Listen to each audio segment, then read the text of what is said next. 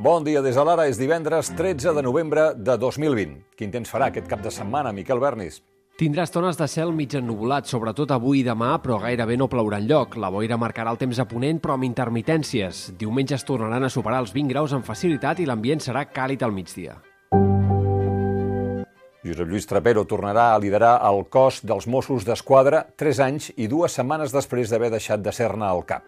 El conseller d'Interior, Miquel Samper, va eh, comunicar ahir la restitució del major després d'una conversa que van mantenir al matí i en la qual Trapero va manifestar que volia tornar al capdavant de la policia. El conseller es va reunir ahir la tarda amb el fins ara comissari en cap Eduard Sallent per anunciar-li el canvi i expressar-li el seu agraïment per la feina feta. Aquest és el moment en què Trapero va a la seu d'Interior a reunir-se amb el conseller. Sallent va assumir el lideratge el juny de l'any passat. No està clar quin serà el destí del fins ara comissari en cap dels Mossos. Eduard Sallent, Trapero té la possibilitat eh, d'escollir quin lloc ocupa. El major restituït es reuneix aquest matí amb la cúpula del cos, al complex Saegara de Terrassa i a dos quarts d'una farà una compareixença pública. Trapero i els Mossos han sortit jurídicament eh, reforçats de la sentència absolutòria de l'Audiència Nacional perquè deia que la forma com van gestionar l'1 d'octubre tan diferent de la Policia Nacional i la Guàrdia Civil era la que corresponia segons la llei de la Policia a Catalunya i la jurisprudència que emana de la Unió Europea. El Procicat va aprovar allargar eh, fins dilluns eh, 23 de novembre, per tant, dos dilluns més, l'ordre de tancament de l'hostaleria i la cultura.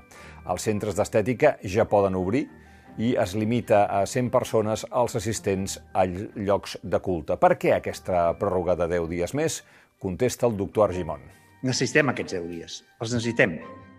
I molts de vostès es podran preguntar per què si sembla que ja portem uns dies, com molt bé explicava la consellera, que anem baixant el número de casos, estem encara amb una xifra de malalts a la UCI molt elevada. Estem pràcticament doncs, amb 600 malalts ingressats a les unitats de cures intensives.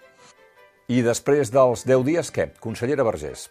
Aquest pla, que s'aplicaria un cop finalitzada aquesta resolució de 10 dies, és a dir, a partir del dilluns dia 23 de novembre, treballa en el retorn, en primer terme, de les activitats amb un menor risc de cara a l'epidèmia, que són aquelles que es poden donar a l'aire lliure, també pel que fa a les terrasses de restauració.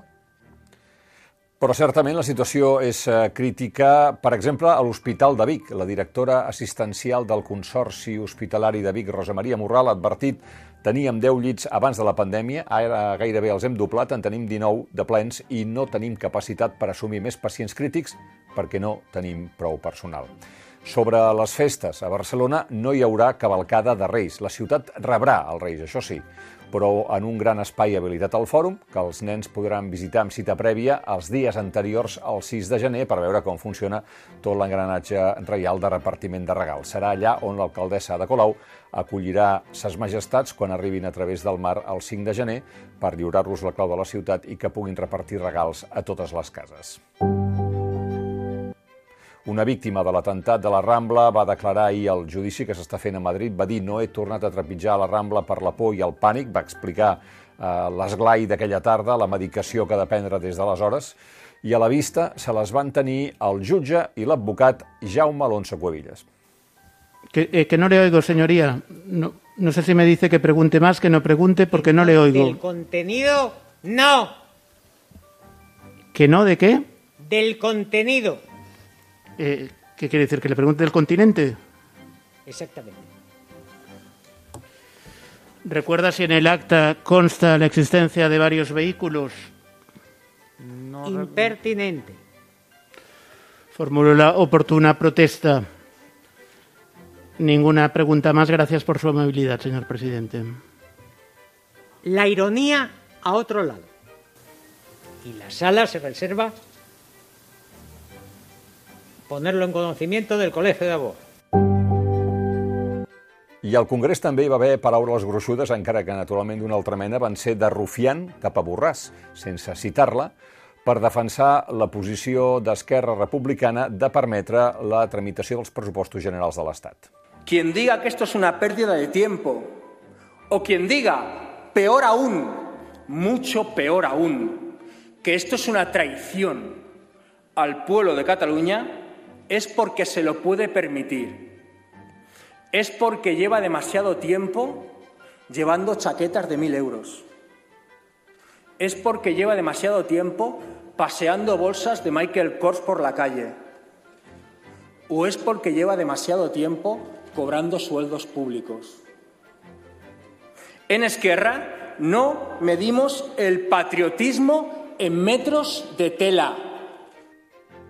Laura Borràs va contestar-lo per Twitter dient més enllà del soroll antic del masclisme i del populisme que ha fet acte de presència des d'avui mateix, ja és curiós, miro de fer política i rendició de comptes explicant-vos per què van presentar i defensar aquesta esmena a la totalitat i, sobretot, sense equivocar l'enemic. La Generalitat ha decidit apujar els sous dels funcionaris un 0,9% l'any que ve. Amb aquest moviment, el govern calcarà l'increment que el govern espanyol va anunciar que aplicaria als treballadors públics, tot i les greus dificultats que tenen les administracions actualment per ajudar els sectors més perjudicats per la crisi de la Covid-19.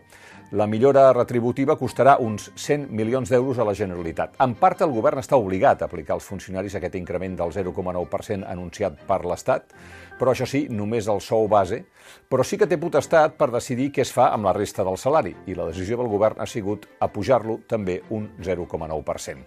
Precisament avui, en Xavier Roig escriu que ha arribat a la conclusió que Catalunya, com Espanya, ha creat un país amb uns governants que viuen per vigilar els drets adquirits dels empleats públics. Al cap i a la fi, diu Roig, es tracta dels seus que són la majoria de polítics, sinó funcionaris en excedència, i conclou que la befa que culmina aquest humiliant sainet és l'increment dels salaris públics per sobre del 6% a la Casa Reial l'any vinent.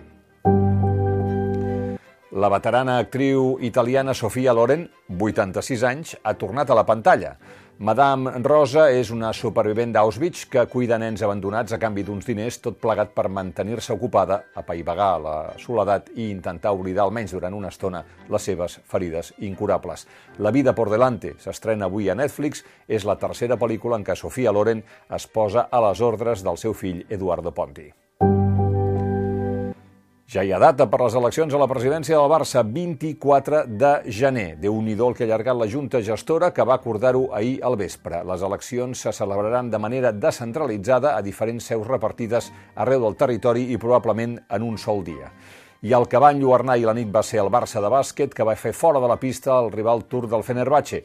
Jugant amb tanta confiança com solidaritat, diu l'Àlex Gozalvo, el líder de l'Eurolliga va tenir una nit més tranquil·la del que s'havia imaginat i mirin, va guanyar 97 a 55. El Barça va repartir 27 assistències i va anotar 16 triples. En canvi, el Baxi Manresa va perdre compte l'Iberostar Tenerife 80-88. L'equip del Bages anava bé, a l'últim quart es va enfonsar. Fins aquí les claus del dia. Tornarem després amb l'anàlisi de l'actualitat.